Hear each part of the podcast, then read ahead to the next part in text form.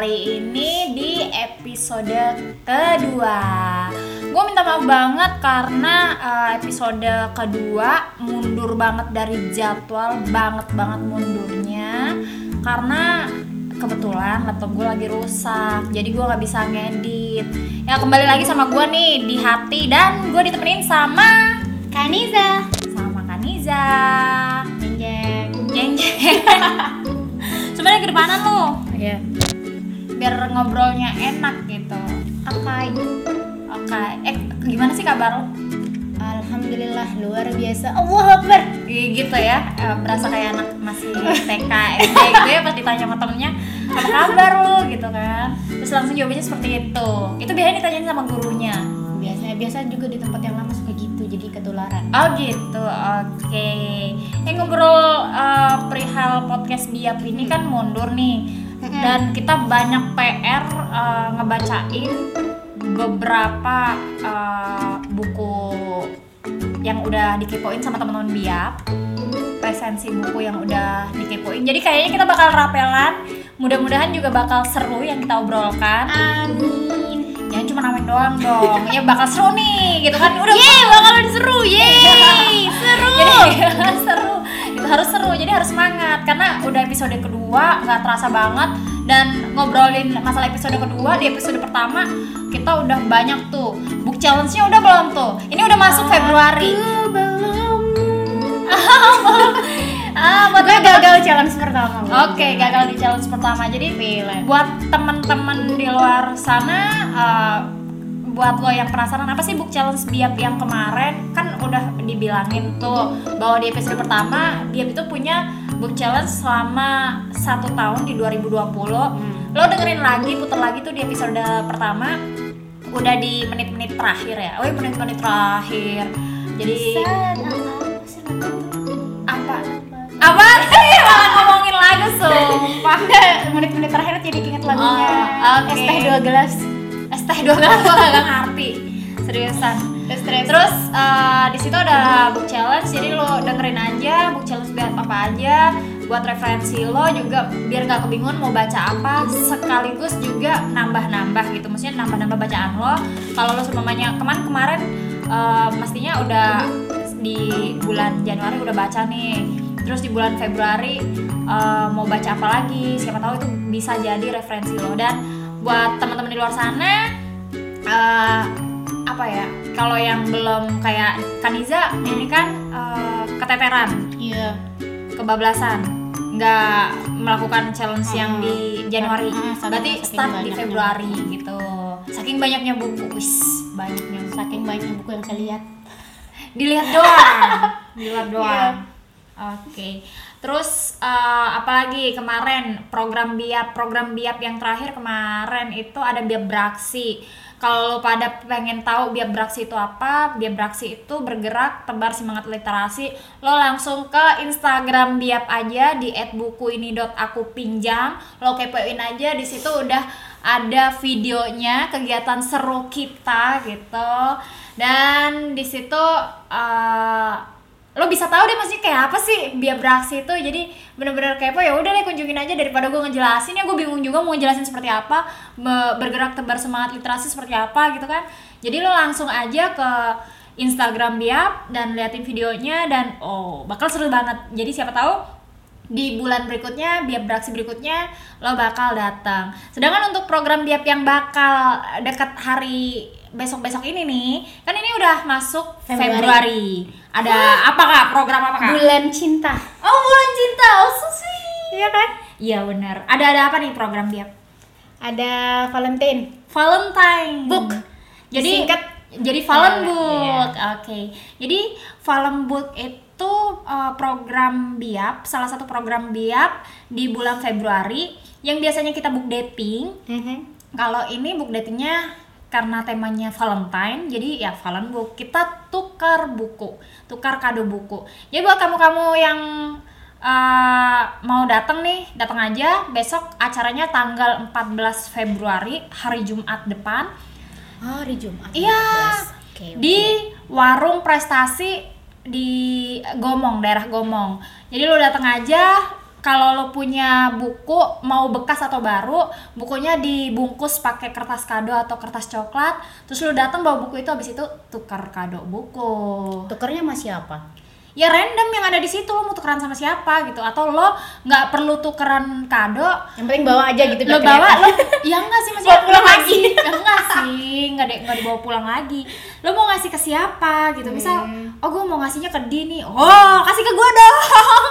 Kasih ke gue lo mau ngasih ke Dini bukunya spesial buat Di Ah, boleh boleh banget kasih ke gue gitu. Langsung Di ini buat lo buku kan gue so sweet banget.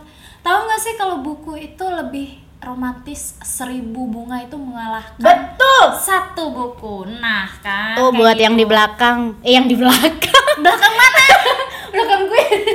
oh di belakang lo Ada tembok. tembok kasihan Buat yang dia yang di luar sana tuh nggak usah kasih coklat, nggak usah kasih bunga, cukup satu buku yang harganya 500 ribu tuh cukup. oh udah lima ratus ribu ya buku lima ratus ribu langsung Eh, request ya Request, Requestnya. request. Covernya warna biru, ada bunga sakuranya di Gramet ada kok. Oh, ada request kayak gitu.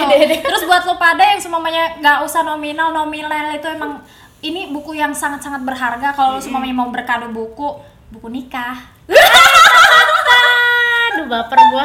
Baper langsung, mumpung Valentine gitu kan. Jadi kalau semuanya besok Valen book lo datang aja, kita itu ngadain program tersebut itu terbuka untuk umum lo siapa aja, siapa pun dan dari mana pun lo lo gabung aja sama kita dan datang. Kita di situ bermusikalisasi puisi, kita juga ada bincang-bincang gitu juga dan ya itu balik lagi kita bakal uh, tukar kado buku atau ngasih kado buku. Nggak harus bertukar sih maksudnya kalau lo mau ngasih buku ke siapa melihat ada nih wis ada uh, abang-abang cakep atau ada mbak-mbak cantik. Ada yang di Kayaknya- pojokan tuh. Di pojokan terus rambutnya putih eh rambutnya hitam panjang pakai baju putih. Biasa tuh. itu beda di pojokan Siapa kan. tahu kan kita kasih buku surat yasin, eh buku surat yasin. sih? Sumpah. Oke, oke. Oke, terus udah besok yang program biar eh, bakal eh, udah apa sih namanya dekat ya? Ah, lo Sekarang datang berapa deh. sih? Sekarang udah tanggal. Jadi kita rekaman udah tanggal berapa nih? 6666 Februari. Oke, tanggal 6 Februari. Jadi kan makanya gue bilang kan minggu depan, Jumat depan lo jangan lupa untuk datang. Terus kita ngobrolin apa lagi? Program udah, Udah. eh, ini udah, eh, challenge udah, gitu kan? Belum selesai lo baca dan kalau gue udah dong. Lu baca buku apa? Kemarin apa sih judulnya gue lupa, kebiasaan deh. Kan yang gue udah bilang tuh bukunya si Wira yang gue bilang udah gue ada beli setahunan terus akhirnya gue eh, dia sama sekali nggak gue baca gitu, terus gue baca. Jud- judulnya lupa apa sih? Pokoknya bukunya Wira deh. Gue lupa. Wira, Wira Sabla. Si Wira bukan itu Wiro Sabla.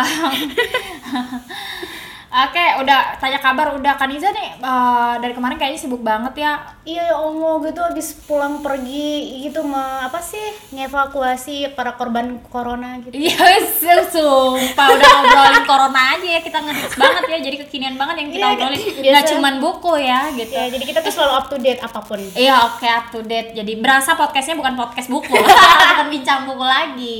Terus kalau ngob- ngobrolin kayak gitu tuh, ter eh, ngobrolin balik lagi nih ke bincang buku. Kan lu bilang kan belum sempet tuh saking banyak buku yang lu baca. Di Januari lu udah berapa buku sih yang lu udah baca? Bulan Januari gue udah baca 11 buku. Wih, tepuk 11. tangan dulu nih. Yeah. Yeah, yeah, yeah, yeah. Terima kasih, terima kasih, terima Kalau pada semuanya berapa buku tuh? Kalau gue jujur aja baru tiga buku. Karena gue so sibuk. Sumpah sebenarnya bukan so sibuk ya. Gue tuh lagi eh gandel apa ya? Lagi lagi suka suka banget eh, nonton anime lagi gitu. Jadi itu kadang Oh. pas lagi Genji baca Genji.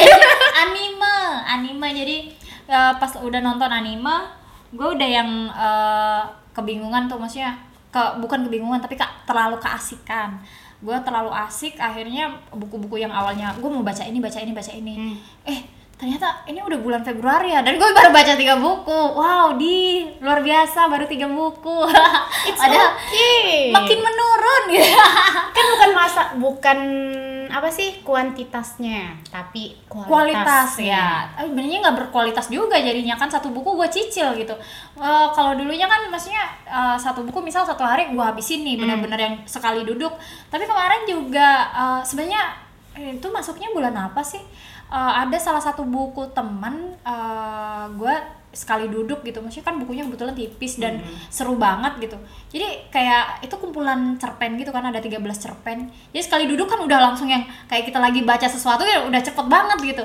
Ya ampun gue cuma berapa jam aja nih? Sejam apa dua jam nih? Gue gitu. 13 cerpen udah tamat gitu. Wow luar biasa. Gue kayak gue butuh bacaan yang seger-seger kriuk-kriuk lagi nih gitu. Kalau kemarin-kemarin kali kriuk jadi kan biar nggak garing. Iya ya buku garing ya. Iya iya sih. Kayak gimana kalau semuanya dia bahasa kan nggak bisa dibaca bo.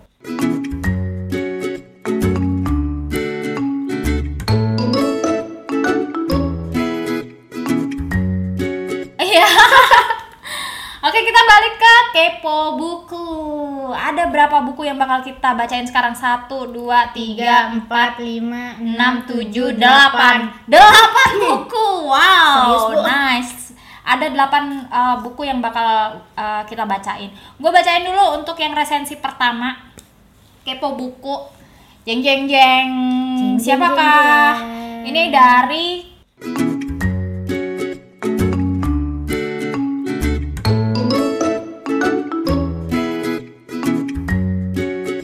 Adef Ansar. Jadi Kak Adef Ansar ini salah satu Pandawa Biak yang sudah tidak ada di Kota Mataram. Innalillahi Eh, nggak boleh kayak gitu dong. Dia nggak ada di Kota Mataram kan, bukan tidak ada di bumi Oh. ini. Jadi dia udah pindah ke Bekasi, tapi dia berusaha untuk berkontribusi secara online yaitu ya itu ngirimin resensi buku gitu sebenarnya dibilang ngirimin juga enggak gue nodong sih dia kan lagi posting tuh terus gue bilang ini di posting juga dong di ininya biap oh ya boleh kak dia bilang kayak gitu jadi ibaratnya gue nodong ya. Jadi eh, yang buku yang lagi dia resensi adalah bukunya Iksa Kabanu Teh dan Pengkhianat. Teh dan pengkhianat. Tahu nggak? Buku ini keren banget. Karena kemarin dapat penghargaan kusala tulistiwa kusala sastra. Kusala sastra apaan tuh? Eh, ya award gitu deh. Maksudnya dalam artian eh, award di eh, sastra. Jadi bukunya Iksa Kabanu ini bukunya Mas Banu ini eh, mendapatkan penghargaan sebagai buku eh, kumpulan cerpen prosa terbaik 2019 Wih, jadi besok gue besok. Oh besok. Oke nice. Gue tunggu buku lo. Besok pagi. Eh besok pagi. Seriusan nih ketabungan. Buku tabungan amin. Ntar bagi-bagi ke gue ya. Ini gue bacain punya si Adef. Ada sebanyak 13 cerpen di dalam buku ini. Ke-13 nya mempunyai dua kesamaan. Yang pertama berlatar belakang zaman kolonial. Yang kedua mengambil sudut pandang orang Belanda atau keturunan Belanda. Oh keren banget nih. Berarti kan eh, ngobrolin tentang zaman kolonial tapi dia bukan sudut pandang biasanya kan ngobrolinnya tentang sudut pandangnya para pahlawan kita atau pribumi gitu kan. Ini berbeda banget nih. Sudut pandangnya yang diambil adalah orang-orang dari Belanda. Jadi ah, ya keren sih menurut gua. Terus beberapa tokoh di buku ini eh, adalah pelaku sejarah asli. Jadi dia memakai nama asli uh, dari pelaku-pelaku sejarah. Ada Sentot Alis Basya yang diceritakan di cerpen Teh dan Pengkhianat adalah panglima perang di Ponorogo yang berkhianat dan bergabung dengan Belanda. Kemudian ada Rohana Kudus yang diceritakan di cerpen Belenggu Emas adalah pendiri kerajinan Amai Setia di Kota Gadang dan pendiri surat kabar uh, Suntiang Melayu, salah satu surat kabar perempuan pertama di Indonesia. Beh, keren banget. Besok-besok gue juga bakal bikin, tapi bukan jadi yang pertama ya. yang kedua Yang kedua, eh soalnya udah banyak. Terus uh, menurut Kak Adef tuh jika fiksi sejarah ini digunakan Iksaka Banu untuk menjadi jembatan awal agar generasi muda lebih tertarik kepada sejarah panjang negeri ini menurut si Kak Adef ini uh, Mas Banu itu udah berhasil. Iya sih jadi buku ini tuh uh, apa ya ibarat kata kan latarnya latar-latar uh, sejarah nih zaman sejarah. Biasanya kan anak muda zaman sekarang tuh males banget kan baca buku-buku sejarah. Tapi dikemasnya secara apik sama Mas Banu gitu. Jadi dia benar-benar yang uh, udah berhasil bagaimana caranya untuk menyampaikan penyampaiannya dan uh, anak-anak muda zaman sekarang tuh mau gitu ngebaca buku ini kayaknya ini cocok buat gue Hmm. secara gue anak muda yang suka sejarah Eh, suka sejarah atau enggak nih kalau dia kan berhasil udah kalau ini eh, saya suka sejarah tapi tidak dengan bahasa yang memberatkan. Cik, Ah, iya, bahasa, yang memberatkan. Jadi be- bentar bahasa yang berat yang kayak gimana sih? Emang rindu. Kalau rindu berat kasih Dilan aja. Iya. Oke, yang buku yang kedua Kak Niza coba bacain deh. Oke, buku yang kedua kali ini judulnya Sekolah Itu Candu, penulisnya Roem Topati Masang, penerbit Insis Press, cetakan ke-13 Maret 2018. Buku ini diresensi oleh Ed Mukhtarat Maja. Oke, langsung aja di sini Kak Mukhtar ngambil quote dari halaman 29 bab 4 bunyinya He who can does, he who comes teaches. Nah, di buku ini katanya eh, menurut Kak Mukhtar buku ini sangat menarik nih buat Kak Mukhtar dan mungkin akan menarik juga nih buat kalian yang memang suka bergerak dalam dunia pendidikan baik formal maupun non formal. Dalam buku ini kita diberi gambaran tentang makna dari sekolah itu sendiri. Dari halaman awal saja kita diajak untuk menelusuri awal mula didirikannya sekolah. Bahkan kata sekolah itu sendiri dan maknanya. Buku ini menjabarkan secara belak-belakan, runtut dan disertai dengan literatur yang digunakan penulis. Bukan hanya judul buku literaturnya saja, tetapi juga petikan kalimat sebagai rujukan pernyataan penulis. Penulis juga banyak bercerita tentang sekolah-sekolah yang ada di beberapa daerah di Nusantara. Memang yang diceritakannya tuh kebanyakan sekolah-sekolah terpencil gitu. Tapi eh, sekolah terpencil dengan akses yang susah dijangkau. Tetapi sangat memberikan persepsi menarik buat saya tentang pendidikan. Buku ini memang ditulis dengan tujuan sebagai kritik sekolah yang menurut penulis sudah jauh meninggalkan hakikat dari kata sekolah itu sendiri. Tapi buat saya, buku ini lebih menarik pada gambaran tentang filsafat pendidikan dan pendidikan alternatif. Yang masih nyantol buat saya dari buku ini adalah belajar itu tidak terbatasi oleh tempat maupun guru. Membaca buku ini harus dengan niat yang positif dan harus bijak dalam memaknainya. Nah, selanjutnya silakan dibaca sendiri ya. Terima kasih. Nah, itu tadi dibilang sama Kak Mukhtar tentang buku Sekolah Itu Candu. Wow. Jadi kalau semuanya ngobrolin tentang sekolah gitu ya, sebenarnya sekolah itu kan dibilang antara formal dan non formal. Tapi kalau semuanya kita ngobrolin eh, di mana sih sekolah pertama? Di rumah dong. Rumah adalah sekolah pertama. Keluarga itu adalah sekolah pertama kita. Jadi yang bakal ngebentuk lo bagaimana bagaimana lo itu sebenarnya yang pertama itu adalah di rumah, keluarga lo, lingkungan lo gitu lo. Sweet home. Mamanya, ya lo lo seperti apa sih ininya gitu kan. Terus udah kita langsung lanjut ke buku ketiga. Yang ketiga, apa nih Kadi? Buku yang ketiga, Ada buku Calabai atau Kak Kaniza nih baca Calabai nih. Calabai. Wait Yang kemarin, minute. Oh, ini. Oke, oke, oke. Calabai. Oke, buku yang ketiga judulnya Calabai, Perempuan dalam Tubuh Lelaki. Penulis Pepi Albaikuni, penerbit Javanika, PT Kaurama Buana Antara, jumlah halaman 385, diresensi oleh Ed Arya.yana Hilman. Apa kabar family? Semoga kalian selalu sehat ya. Banyak aroma membahagiakan dalam hidup ini. Salah satunya adalah aroma khas sebuah buku yang baru saja dibuka. Pada kesempatan kali ini, saya ingin membagikan hasil bacaan saya kepada teman-teman. Saya sudah membaca salah satu novel yang berjudul Calabai karya Pepi Albaikuni dan dapat mengulas mengenai novel ini kemudian membagikannya ke teman-teman semua. Di dunia ini, tak ada satupun manusia yang ingin dilahirkan dalam kondisi jiwa yang tertukar. Anak lelaki memiliki jiwa halus layaknya perempuan dan atau sebaliknya. Sama halnya dengan tokoh yang diceritakan dalam novel Calabai ini. Saidi tak pernah meminta dilahirkan memiliki jiwa sehalus perempuan. Saidi tumbuh dalam dua dunia, tubuh lelaki, jiwa perempuan. Laksana hidup di gerbang antara antara laki-laki dan perempuan. Calabai, begitu sapaan khas bagi warga yang ada di tempat Saidi. Sapaan yang menggelegar orkestra sakit hati di dada ayahnya, Puang Baso. Saidi tidak pernah mengerti mengapa Calabai disebut sebagai sebuah kesalahan. Saidi memilih pergi meninggalkan rumah, mengikuti kata hatinya karena tak kuasa menoreh luka orang tuanya terlebih ayahnya. Kisah perjalanan yang dilalui oleh Saidi tidaklah mudah. Ia dihadapkan dengan berbagai masalah, sehingga mengantarkannya pada sebuah keajaiban. Bertemu dengan Daeng, Ma- bertemu dengan Daeng Madering, Tanah Segeri dan Bola Arajang, serta Puang Matoa Barliang dan puang-puang lainnya yang menjadikannya seorang bisu. Yaitu pemuka spiritual yang telah melampaui sifat laki-laki dan perempuan di dalam dirinya, mengemban tugas sebagai penjaga keseimbangan alam. Calabai adalah sebuah novel tentang jiwa perempuan yang terjebak dalam tubuh lelaki, yang oleh pemilik tubuh sendiri kerap kali gagal memahaminya. Calabai, lu, Calabai mengulik kemelikan kehidupan bisu, ahli waris adat luhur suku Bugis.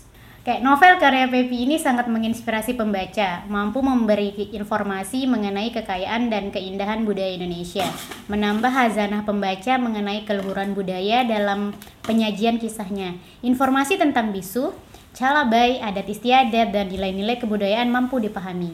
Penasaran dengan keseluruhan kisah Saidi dan Calabai yang melekat pada dirinya? Pastikan untuk membaca novel ini ya. Selamat menunaikan ibadah membaca, family. Wih, gitu panjang banget Panjang. ya Kak, Kak Arya ya. Gue ngos-ngosan bacanya. Ngos-ngosan ya. Sebenarnya lo nggak nggak harus yang ngebaca kayak gitu juga maksudnya. Buat teman-teman di luar sana yang maksudnya eh, penasaran banget apa sih calabai gitu, Bu. isinya seperti apa? Hmm. Tadi udah apa ya dibilang terperinci nggak juga sih sebenarnya. Aduh, baru resensinya doang. Jadi siapa tahu eh, lo pada penasaran. Sekarang gue mau ngebacain buku yang keempat. Jadi buku keempat ini eh, buku yang dikepoin sama Kak Marco Lumenta. Eh, di sini judul bukunya adalah Sepotong Senja untuk Pacarku. Wih. Wih. Jadi siapa sih yang nggak kenal sama Seno Gumira Aji Dharma? Jadi beliau adalah salah satu penulis eh, favorit gue nih. Di buku Sepotong Senja untuk Pacarku ini juga pernah dibacain eh, apa ya? Dibilang musikalisasi bukan sih. Jadi pernah dibacain sama Kak Abimana sama Dian Sastro juga dan itu keren banget gitu. Terus gue bakal ngebacain ininya Kak Marco. Sungguh pun bukan cecunguk, hamba wet mencarinya lantaran satu perkara. Seru, tegang, menjengkelkan, dari awal sampai akhirnya. Dijamin bikin mules perut. Begitu Seno Gumira memulai variasi komposisi pertama di bagian pertamanya kepada Alina. Di awal ceritanya, Seno dengan gaya surrealis mampu membawa imaji kita ke tempat yang tak terbayang dan tak mungkin ada di dunia nyata. Setiap komposisi di setiap babak memiliki ciri khas gaya penulisan yang kerap kali menyinggung karakter-karakter di episode sebelumnya. Jadi modelnya mungkin kayak eh, per bab gitu gitu. Maksudnya eh, buku ini kan kayak per bab menceritakan si tokoh cowok nih Hmm. suara si cowok terus di bab kedua suara si uh, cewek. Terus yang di suara ketiga ada suara si tukang pos gitu-gitu deh.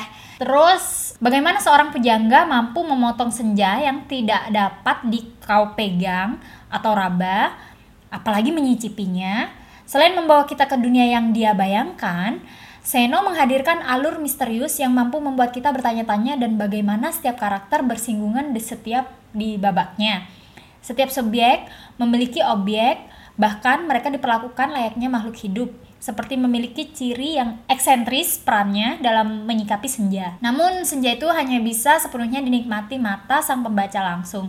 Jadi masuklah ke dalam kotak senja yang terpotong itu. Jadi uh, menurut Kak Marco tuh dia membaca ini tuh merasa sudah masuk ke dalam novel nih. Jadi ma- masuk ke dalam ceritanya si Seno. Berarti kalau menurut gua nih kalau seorang penulis uh, dia bisa mengajak pembacanya untuk masuk ke dalam novel tersebut, cerita dari isi tulisan dia itu berarti penulis tersebut udah berhasil. Menurut gue ya, nggak tahu buat teman-teman di luar sana gitu. Karena emang uh, sepotong senja untuk pacarku ini juga dibilang fenomenal ya iya juga dibilang enggak enggak ya gimana ya keren deh pokoknya eh, novel ini. Jadi banyak ya teman-teman anak-anak muda yang membaca karya eh, Seno di sepotong senja untuk pacarku ini apalagi setelah dibacakan sama Abimana dan eh, Dian Sastro. Jadi semakin banyak nih yang penasaran sama isi eh, novel dari Seno Gumira ini gitu. Ya buat teman-teman di luar sana siapa tahu kan juga semakin penasaran. Buat lo yang belum baca atau sudah baca pengen baca lagi atau yang berniat untuk membaca akhirnya mau ngebaca dari uh, buku sepotong senja untuk pacarku ini Keren kayaknya kalau dibawa pas senja anak-anak indie senja is gitu wah kan. ngomongin indie ya udah udah udah sen- senja kopi apalagi kalau anak-anak indie gue so indie ya gue so indie gue kemarin so indie gue gue kopi senja buku islah Enggak ngebayangin di pantai bawa buku terus ada hashtag gerakan membaca eh, tapi pantai. pas senja gitu kan gerakan Oke. membaca senja. Oh buku cia oke kita langsung ke buku ke lima buku kelima tapak jejak Aduh, silakan bu Oh, gue langsung bacain gini. Oke, buku kelima Tapak Jejak eh, penulisnya Firsa Besari eh, yang ngeresensi buku ini, yang kepoin buku ini Kak Paris Alparizi yang sekarang menjadi wakil ketuanya Biap. Wis, wah, ketua Biap ketua. nih. Eh, eh, wakil deh. wakil, wakil ketua. Buku ini penerbitnya dari media kita. Jadi dibuka dengan berhenti berlari, terima kenyataan lalu pulang untuk melanjutkan hidup. Bah. berhenti berlari terima kenyataan lalu pulang untuk melanjutkan hidup Yes. Begitulah kalimat awal pada sampul novel tersebut.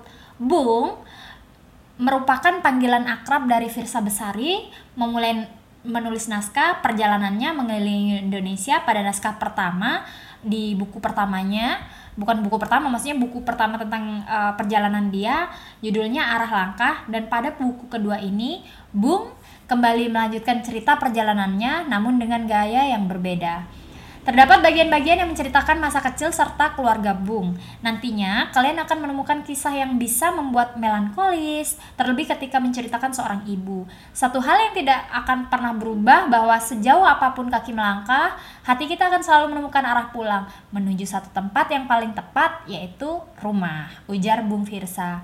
Untuk kisah lengkapnya, eh, teman-teman harus baca buku ini gitu. Dia langsung ngomong kayak gitu. Jadi dia cuman dikit tapi bikin penasaran emang. Dari on point. on point banget kalau Kak Paris ini gitu.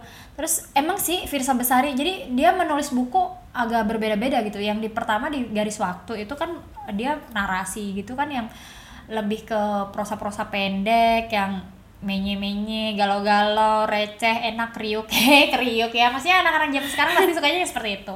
Terus di konspirasi alam, alam semesta, sama yang di 11-11 ada catatan juang juga. Itu memang berbeda-beda bukunya dia. Karakter gaya menulisnya juga mulai berbeda-beda gitu. belum pernah baca karyanya Bung Firsa Bersari. Oke mungkin suatu waktu ya bisa Ya, lo nanti. baca ya. Kan kalau denger lagunya udah. Ah, yang mana tuh? Gue gue lupa judulnya sih. Tapi Wait. bia- biasa biasa dengerin April terus apa sih judulnya lagi gue lupa lupa Eh, kalau judul-judul yang bukunya. yang yang di waktu yang salah apa Iya, iya, nggak gitu-gitu pintar nyanyi deng yang itu. Ya itu deh pokoknya ya. Terus sekarang ke buku keenam. Buku ke-6 judul buku pacarku memintaku jadi matahari. Wih pacarku memintaku jadi matahari. Penulis Reza Nova penerbit Basa Basi diresensi oleh Ed Baik Tata. Bukunya terlalu menggemaskan untuk diresensi saya ingin kalian juga ikut berpetualang bersama saya membaca setiap hal yang diceritakan Bang Reza dalam buku ini dengan menghabiskan akhir pekan yang membuat kalian hidup kembali di hari Senin. Wah. Sini sepertinya dari penggalan awalnya saja saja sudah bagus dari Kak Tata nih. Oke, kita lanjutkan. Pagi pertama setelah kematian. Bagian yang terdiri dari dua halaman itu membuat saya merasa Tuhan masih sangat sayang kepada siapa pun kamu dengan memberikan sedih kecewa yang besok atau lusa atau entah kapan pasti digantinya dengan perasaan lega yang amat sangat. Lebih-lebih jika kita menerima segala hal yang terjadi pada diri kita. Kau masih hidup atau hanya kau yang sanggup untuk mencintai dirimu sendiri? Tulisnya di halaman 99. Tak sabar membuka bagian lain, mencari kecewa yang lain, percakapan-percakapan konyol dan banyak lagi bagian lainnya yang kematian pun membuatnya memikirkan hal-hal yang tidak bisa terjadi. Yang tidak biasa terjadi. Kecewanya, buku ini berakhir begitu saja pada halaman 175 di minggu pagi sebelum panggilan untuk lembur di hari minggu. Selamat membaca, selamat berpetualang bersama lelaki yang diminta menjadi matahari oleh pacarnya. Wah, gue suka nih kata-kata yang digunakan sama Kak Tata. Ngerasa kayak gue tertarik banget buat baca buku ini. Iya, jadi dia bener-bener yang bakal lo harus baca ini sih. Kalau lo semamanya dalam artian ini buku-buku yang eh, berisi misal tentang kekecewaan, tentang lo yang begini begitu, tapi dihidangkan sama si Reza ini dengan apik banget. Jadi bikin kata Tata tuh lu kudu baca gitu. Kekecewaan itu bisa menjadi hal-hal konyol yang eh, dihidangkan sama si Reza itu jadi percakapan-percakapan yang Iya juga sih ada sesuatu yang yang kayak tadi ada petikannya dia kau masih hidup dan hanya kau yang sanggup untuk mencintai dirimu sendiri. Jadi misal putus nih. Kadang kan masih yang udah galau galau kayak kita udah mau mati aja. Tapi ya juga sih gue bisa move on karena gue masih hidup dan ya gue harus cinta sama diri sendiri dan ketika gue move on kalau gue cinta diri sendiri siapa tahu gue menemukan orang lain gitu kan. Kalau semuanya udah yang lo down terpuruk dan lain-lain gak cinta sama diri lo sendiri gitu. Yang lo ngerasa udah mau mati atau apa gitu. Karena kecewa gitu kan karena uh, putus nih sama uh, pasangan lo itu kan merasa yang ya kenapa sih lo kayak gitu? Gitu ya. Lo masih hidup hey Move jadi on. move on dan life must go on gitu kan. Lo, lo lo hidup dan harus terus melanjutkan hidup ibarat kata kan. Jadi emang banyak uh, apa ya kalimat-kalimat yang konyol lah. Dan itu iya iya ya gitu. Langsung ya ya iya sih iya sih gitu. Dan emang sih yang mungkin kayak Tata uh, bilang bahwa Kak Tata bilang kan dia kecewa banget di, di halaman 170 berapa tuh? 175 75 udah selesai. Buku ini menurut dia kurang nih karena dia merasa kurang. Ini tipis banget sih gue pengen nih lagi nih lagi nih gitu. Karena berarti si Bang Reza ini udah berhasil ngebawa kita untuk yang iya sih gitu. Jadi sesuatu ke- kekecewaan atau apa gitu itu bisa dibawa dengan gaya uh, penulisan yang akhirnya bikin bikin penulis itu penulis, eh, pembaca. Apa, pembaca- pembaca itu yang- candu sama iya jadi dan berpikir oh Kak Reza. iya ya oh iya ya gitu.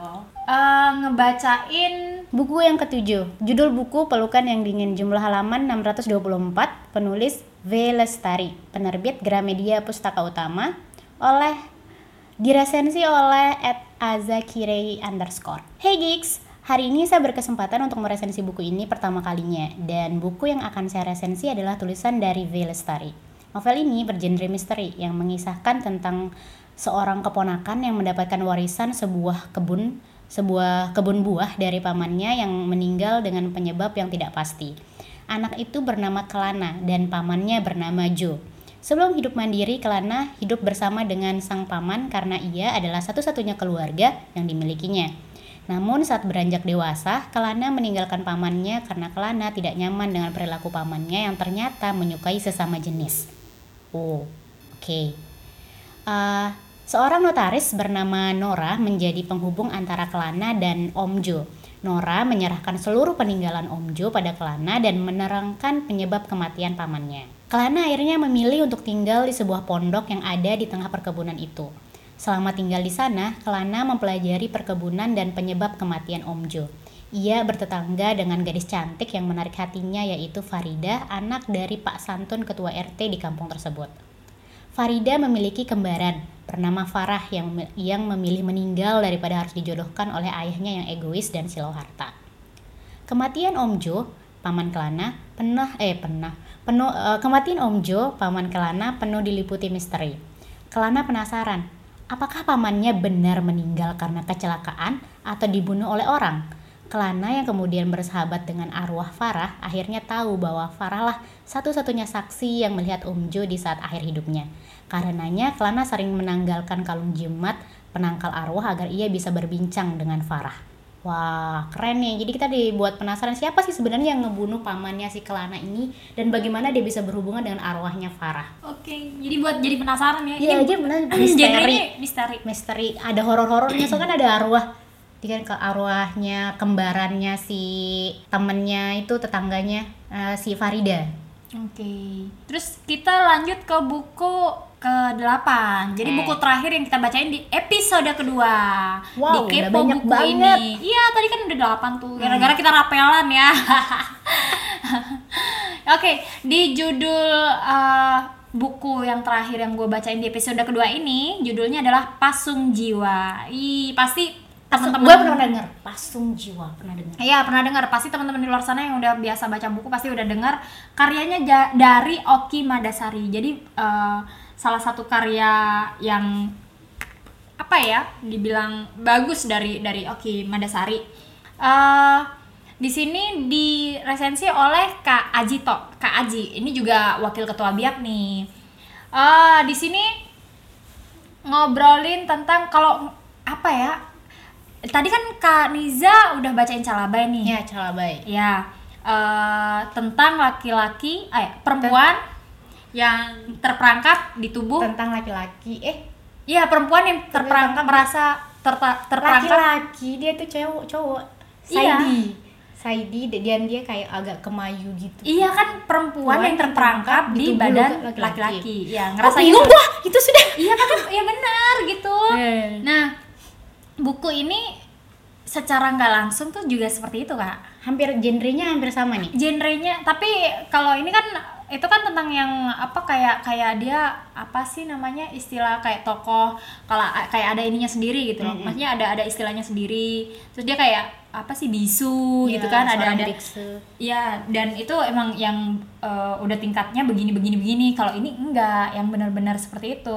Di sini Kak Adi eh, ngobrol gini, dia langsung memberikan pertanyaan seperti ini. Apakah setelah membaca karya Oki yang satu ini kita tergerak untuk berjuang melawan ketidakadilan dan menegakkan kemanusiaan? Wih. Jadi dia mengatakan bahwa buku ini mengangkat tema tentang pergulatan manusia dalam mencari kebebasan sejati. Jadi secara nggak langsung manusia itu ibarat kata pencarian jati diri. Mm. Jadi lu bebas nggak sih untuk menentukan eh, bahwa jati diri lo ini, bahwa jati diri- lo ini gitu. Eh, ini memang memang jadi pergulatan sih. Terus dikatakan ada dua tokoh utama dalam novel ini yaitu Sasana atau yang dipanggil Sasa dan Jaka Cakja. Sasana terlahir sebagai seorang pria dari pasangan orang tua yang mapan. Walau kedua orang tuanya bukan pemusik, mereka menginginkan Sasana untuk menjadi anak yang mahir dalam memainkan piano. Sejak dalam kandungan, suara piano telah diperdengarkan untuknya. Ketika memasuki usia sekolah, seorang guru didatangkan untuk melatih kemampuan pianonya. Sasana memang akhirnya mahir bermain piano dan mendapat sejumlah penghargaan. Namun, sebenarnya ia tidak menyukai bermain piano. Tetapi di sisi lain, Sasana lebih menyukai musik dangdut. Oh iya, ini jomplang banget ya. Ngedangdut. Jadi udah dari musik piano, Piano, gitu, dari dari dangdut. bermain piano langsung ke dangdut. Ya dibilang jomplang sih enggak, tapi memang berseberangan banget gitu. Tubuh dan jiwanya terasa bebas saat dia mendengar musik dangdut sambil bernyanyi dan meliuk-liukkan tubuhnya. Wih, udah biduan aja nih. Bayangin yang Kesukaannya ini tentu saja dilarang oleh kedua orang tuanya karena ia tidak mau mengecewakan kedua orang tuanya. Sasana tetap menjadi anak yang patuh dan mengikuti kemauan orang tuanya walau jiwanya merasa terkurung. Demi ibu, aku bertekad mengendalikan diri. Aku mengurung jiwa dan pikiranku. Aku membangun tembok tinggi-tinggi. Aku mengikat tangan dan kakiku sendiri. Pada halaman 30 itu adalah uh, petikan dari uh, salah satu uh, petikan di buku tersebut. Terus, saat memasuki masa SMA, Sasana mulai merasa ada keanehan pada dirinya. Berbagai peristiwa kekerasan yang dialaminya di sekolah membuat dia membenci dunia laki-laki yang penuh dengan kekerasan. Apa ya? Dunia bully, dia kena rudung gitu, kena bully gitu kan. Jadi dia uh, termasuk korban bully, ke- per- uh, apa korban bullying, dirudung sama temen-temennya. Temennya. Jadi dia nggak suka sama dunia laki-laki. Padahal dia adalah seorang laki-laki gitu jadi ngerasa bahwa ini bukan dunia gue nih dunia laki-laki itu keras banget gitu karena dia termasuk salah satu korban gitu perundungan aku pun menjadi benci laki-laki membenci diriku sendiri yang ti- yang jadi bagian laki-laki itu petikan lagi di halaman 35 jadi dia jadi ngerasa benci sama dirinya sendiri bahwa gue jadi cowok tapi gue benci sama diri gue yang juga cowok nih. Karena kan dunia cowok tuh banyak keras ya termasuk yang bully itu. Kemudian di sini dikatakan juga eh, Kak Aji langsung runut banget kalau Kak Aji ya ngeresensi. Setelah lulus SMA Sasana melanjutkan kuliahnya di Malang. Di sana ia berkenalan dengan Cak Ja. Jadi eh, Cak Cak Ja ini dari Jaka di sebuah warung kopi Cak Ja yang mahir bermain gitar dalam alunan alu- lagu-lagu dangdut membuat Sasana betah nongkrong di warung kopi itu. Kemahiran Sasana bernyanyi dan bergoyang membuat Cak Ja mengajak Sasana untuk mengamen. Sasana yang seolah menemukan dunianya menerima ajakan Cak Ja. Untuk membuat lebih menarik, Cak Ja mendandani Sasana dengan pakaian wanita dan mereka mulai mengamen dan mentas dari satu panggung hajatan ke panggung hajatan lainnya. Dan semenjak itu Sasana berubah menjadi Sasa. Ia menikmati perubahan penampilan dirinya dari seorang pria menjadi wanita seksi dengan goyangan mautnya. Petualangan Sasa dan Caja membawa mereka pada musibah. Sebuah peristiwa membuat keduanya ditangkap polisi. Ketika ditangkap dan dipenjara sebagai seorang waria, Sasa menerima perlakuan tidak senonoh. Ia diperkosa dan dipaksa melayani nafsu bejat dari para tentara dan komandan yang menangkapnya. Sasa begitu terpukul sehingga ketika keluar dari penjara, Sasa memutuskan untuk menata hidupnya kembali pada kedua orang tuanya. Sayangnya, kembalinya Sasa pada keluarganya tak berlangsung lama. Jiwanya terus-menerus dibayangi rasa sakit dan terhina atas ulah bejat tentara-tentara yang menangkap dan memperkosanya. Sehingga akhirnya Sasa harus dirawat di rumah sakit gila. Bagaimana dengan Cak Ja? Selepas dari penjara, Cak Ja bekerja sebagai buruh di sebuah pabrik elektronik Ketika dirinya mendapat perlakuan yang tidak adil oleh majikannya, ia menggalang aksi mogok kerja sehingga dirinya dikejar-kejar aparat, melarikan diri hingga ke Jakarta, dan akhirnya bergabung dalam sebuah laskar berjubah putih untuk ikut berjuang bagi agama dan Tuhan. Lewat kedua tokoh utama dan novel ini, Oki benar-benar uh, hendak me mengetengahkan sosok yang berjuang untuk memperoleh kebebasan sejati Sasana atau Sasa adalah tokoh yang semenjak kecil merasa hidupnya terperangkap dalam tubuh pria dan harus melakukan apa yang sebenarnya tidak mau ia lakukan. Yang menarik adalah ketika Sasa berada di rumah sakit jiwa, terjadi dialog tentang jiwa yang bermasalah dan kebebasan menarik antara Sasa dengan seorang psikiater yang saat itu sedang melakukan penelitian. Ini ada percakapannya nih. Tak ada jiwa yang bermasalah, yang bermasalah adalah hal-hal yang ada di luar jiwa itu. Yang bermasalah itu kebiasaan, aturan, orang-orang yang mau menjaga tatanan. Kalian semua harus dikeluarkan dari lingkungan mereka hanya karena kalian ber berbeda di halaman 166. Eh apa? 146. Jadi Oki itu secara pedas memang uh, apa ya tulisan-tulisan Oki kadang ada ada yang nyentil juga gitu. Jadi dikatakan bahwa di sini benar uh, Oki memberikan apa ya petikan di mana di tulisan itu bahwa uh, ketika seseorang berbeda itu mereka akan semacam kayak dikucilkan dari lingkungan yang yang tersebut gitu. Jadi Kaji mengatakan bahwa novel yang syarat dengan nuansa perlawanan terhadap ketidakadilan, kebebasan, dan kemanusiaan ini sangat baik untuk diapresiasi karena keadaan kini di mana hingga kini masih banyak orang yang kehilangan kebebasan karena berbagai faktor seperti pandangan agama, sistem sosial, ekonomi, terlebih politik jadi emang emang ya itu sih kayak petikan yang yang terakhir tadi yang gue mengatakan bahwa uh, tak ada jiwa yang bermasalah yang bermasalah adalah hal-hal yang ada di luar jiwa itu yang uh, kita terbentur sama masalah kebiasaan aturan-aturan orang dan tatanan gitu. Jadi semisal gini uh, banyak orang berkata kan uh, masalah tangan. Lebih bagus itu tangan kanan. Padahal Tuhan menciptakan kan tangan dua tangan, dua tangan dan dua-duanya itu bagus gitu sebenarnya bagus cuman memang pembiasaan aja. Kita terbiasa dengan makan dengan tangan kanan tangan atau menulis dengan tangan, tangan kanan. kanan. Tapi bagaimana dengan yang berbeda yang selalu terbiasa dengan tangan kiri? Kidal misal. Masa dengan orang-orang yang kidal terus kita langsung memandang mereka berbeda atau apa? Itu kan sebuah karena memang apa ya framing kebiasaan dan memang ibarat kata culture-nya dan memang sudah oh ya udah memang emang itu dari dari dari dulu tatanannya seperti itu. Makan harus kanan ini kanan dan kanan itu paling bagus. Jadi ketika berhadapan dengan yang tidak yang berbeda. yang berbeda orang akan menganggap itu sesuatu yang aneh. Padahal kalau memang kembali lagi menarik lagi eh, hal-hal uh, yang dasar Tuhan menciptakan dua tangan itu memang sudah uh, apa ya bagus dua-duanya nggak ada nggak ada tangan yang uh, jelek gitu. Tuhan tidak menciptakan sesuatu yang jelek gitu. Ada tangan kanan dan kiri dua-duanya adalah tangan yang bagus. Cuman memang uh, lebih baik gitu kan makan pakai tangan kanan gitu bukan tangan kiri. Karena tangan kiri kan kita ya buat ya. ke toilet hmm. gitu kan. Jadi yang seperti itu. Cuman kan orang langsung memandangnya langsung ngejas yang oh ini berbeda. Oh ini seperti ini. Jadi tatanan aturan kebiasaan itu jadi hal-hal yang berbeda jadi di sini si Oki ini memang uh, mengemasnya untuk uh, mengatakan bahwa banyak orang-orang di luar sana, apalagi yang kayak kayak si Sasana ini ya. Hmm. Cuman kalau ini memang benar-benar yang uh, di situ ada ada perlawanan di situ gitu. Gue bisa bebas nggak sih menjadi diri sendiri apa yang gue mau? Bahwa gue ngerasa kalau gue tuh cewek gitu. Karena gue gue cewek nih, jadi boleh nggak sih gue uh, dan seperti cewek?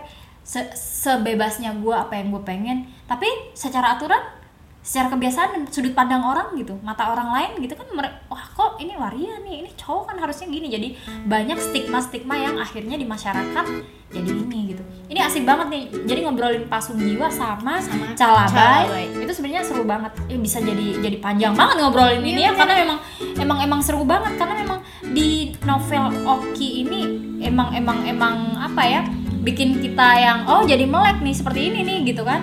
Eh, jadi banyak tahu gitu yang perihal apa ya stigma-stigma yang berada di lingkungan kita gitu. Karena memang ya kita yang menjalani tapi orang lain yang komentar akhirnya gitu kan. Jadi kebebasan yang seperti apa yang dicari ya. Jadi lebih ke yang uh, ya menghormati menghargain sama hak-hak setiap orang. Kalau gue gitu. Jadi kalau misal ada temen yang eh gue ini loh gini. Oke tapi menurut ini ajaran di agama gue itu memang salah. Tapi kembali lagi itu memang hak lo. Kalau gue sih seperti itu. Tapi kan berbicara lagi memang memang lebih ke terbentur ke dengan pandangan agama sistem sosial ekonomi terlebih lagi politik oke udah di buku terakhir di buku episode kedua ini Kita udah 8 buku delapan buku. Wuh. banyak banget dan gak kerasa udah di penghujung dan buat temen-temen yang lain di luar sana buat kalian yang mau juga ngirimin atau menceritakan buku yang udah kalian baca terus kalian mau ngeresensi juga mau ngasih tahu kalian udah kepoin buku kalian boleh kirim aja uh, voice note langsung aja ke Instagram Biap at buku ini dot aku pinjam di situ kalian lihat di nomor kontak personnya ada WhatsAppnya. Nah kalian voice note aja ntar biar kita perdengarkan juga di sini. Atau atau kalian tinggal DM aja kalian pengen juga nge-host bareng kita ngobrol. Iya. ngobrolin tentang buku bincang buku boleh juga. Ntar kita janjian deh. Lo mau ketemu di mana? Dan kita akan ngobrol langsung di podcast biap oke mungkin gitu aja di podcast biap kali ini gue di gue kan bisa Oke, kita jumpa lagi di episode ketiga. Tungguin aja ya, mudah-mudahan tidak ada trouble dan nggak mundur-mundur lagi karena sesuatu. mundur mundur Oke, see you. bye